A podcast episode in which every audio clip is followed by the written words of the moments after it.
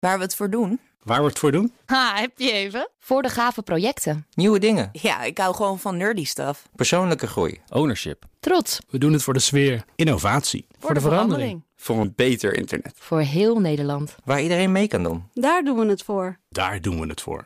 Waar doe jij het voor? Kom werken voor KPN en groei op jouw manier. Check de actuele vacatures op het gebied van data, security, development en networking op jobs.kpn.com/tech. Wetenschap vandaag. Nu steeds meer landen hun pijlen richten op de ruimte, is het urgenter dan ooit om ook daar regelgeving te hebben. Maar hoe doe je dat voor iets wat oneindig is en ook door niemand wordt bezit? Onze wetenschapsredacteur Carlijn Meinders, goedemiddag.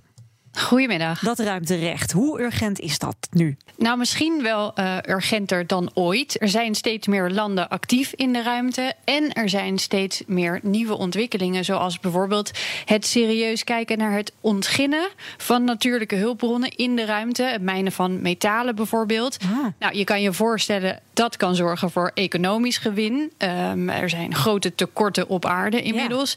Ja. Uh, en daarmee kan het ook weer zorgen voor conflicten. Een beetje zoals de Chinese wateren, zeg maar, waar ook, uh, of de eilandjes waar altijd ruzie over is. Maar je zou zeggen, dit speelt al lang, dus waarom zijn daar niet al regels voor? Ja, het recht uh, loopt eigenlijk wat dat betreft altijd een beetje achter de ontwikkelingen aan. Het gaat pas spelen eigenlijk als het niet vanzelf goed gaat.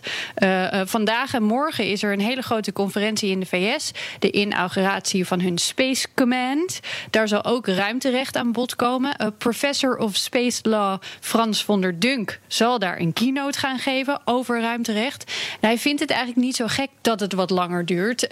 Het, het, is vanuit politiek realistisch oogpunt gezien niet zomaar even geregeld, natuurlijk. Mm -hmm. Maar hij heeft wel een idee over wat haalbare onderwerpen zijn om als eerste regels voor te gaan maken. En één daarvan is ruimtepuin. Er is geen staat die iets doet in de ruimte die zich niet realiseert dat als er niet binnen nu en laten we zeggen tien jaar fundamenteel veranderingen plaatsvinden in hoe we omgaan met ruimtepuin. En in dat opzicht kan je op een hoog niveau zeker de vergelijking trekken met dingen als, als, als klimaatsverandering. Dan is het te laat. Dan, dan zitten we met een onomkeerbare situatie dat er zoveel schroot daarom cirkelt dat de investering niet meer waard is om, om voor 100 miljoen een, satelliet te lanceren die iedereen internet bezorgt. Ja, ja dus, dus afspraken over ruimtepuin opruimen, dat is eigenlijk voor iedereen uh, voordelig. Dus daarom is het misschien ook sneller te maken. Ja, en het is geen militaire kwestie. Daarbij speelt wel vaak wat goed is voor jou, is slecht voor mij, zeg maar. Uh, maar hier is een gemeenschappelijk belang. En daarmee is het misschien wel een hele mooie basis voor de wat moeilijkere onderwerpen. Om die ook op tafel te krijgen. Een, een ander onderwerp waarvan Von der Dunk hoopt, in ieder geval dat er snel verder over gepraat kan worden, is uh, controle op elkaar. Controle op elkaar. Als in wie wat doet in de ruimte en wie wat uh, voor, grijpt. Moet ik het zo zien? Ja, ja, ja het, is, het is natuurlijk, dat is gigantisch moeilijk, want het is heel onoverzichtelijk, de ruimte. Ja, ik kom er nooit. Um, om in de gaten te moeten houden. Uh, maar er zijn al wel regels, bijvoorbeeld voor het uh, beperkt toelaten van andere staten bij je lanceringen. Dat is een vorm van controle die al bestaat. Uh, maar je kunt ook alvast gaan nadenken over in hoeverre je elkaar tijdens missies bijvoorbeeld in de gaten moet kunnen houden.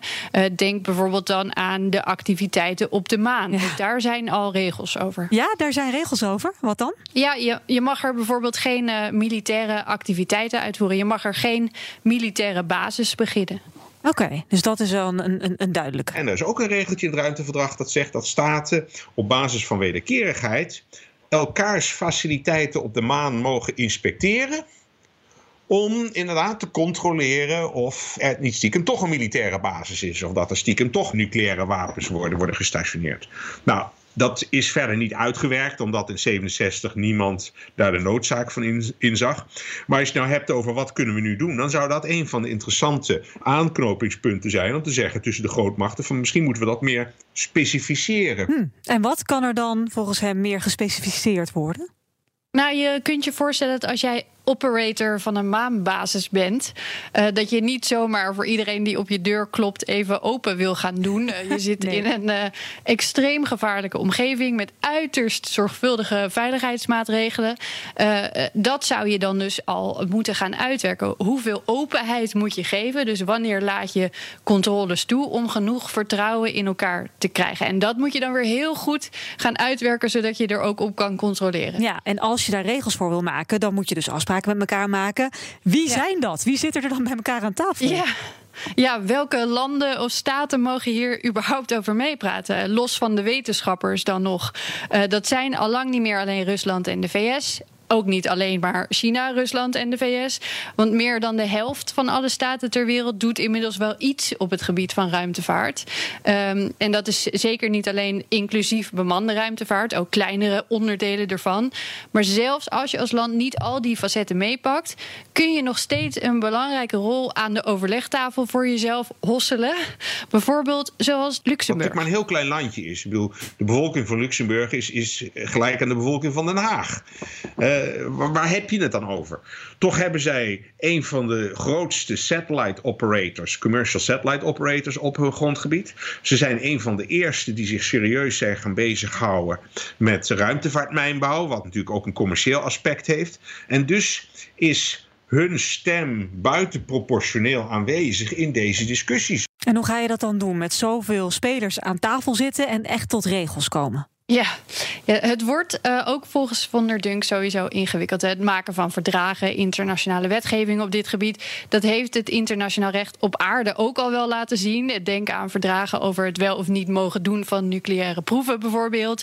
Uh, want zelfs al uh, mag iedereen straks meepraten. En is het grootste gedeelte van de staten het over iets eens. Als één van de grote spelers zegt: wij gaan ons hier niet aan houden. Ja, dan schiet je er nog niks mee. Nee, dus uiteindelijk heb je een, gewoon een gerechtshof nodig voor de ruimte? Ja, nou, die is er eigenlijk al een beetje. Want internationale juridische kwesties zouden in principe gewoon bij het internationaal gerechtshof in Den Haag komen te liggen.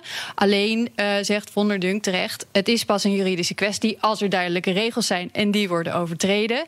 Uh, dus dat is het grootste belang nu. Hij hoopt dat daar de komende vijf jaar flinke stappen in worden gezet.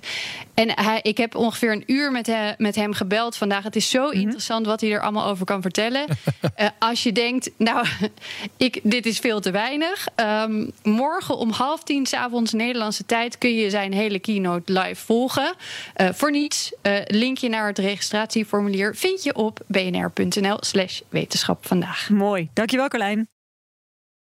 Ook Diana Matroos vind je in de BNR-app. Ja, inderdaad. Je kunt live naar mij luisteren tijdens de Big Five. Ook handig in de BNR-app. Breaking nieuwsmeldingen, maar ook het allerlaatste zakelijke nieuws. En je vindt in de app alle BNR-podcasts, waaronder Wetenschap Vandaag. Download nu de gratis BNR-app en blijf scherp.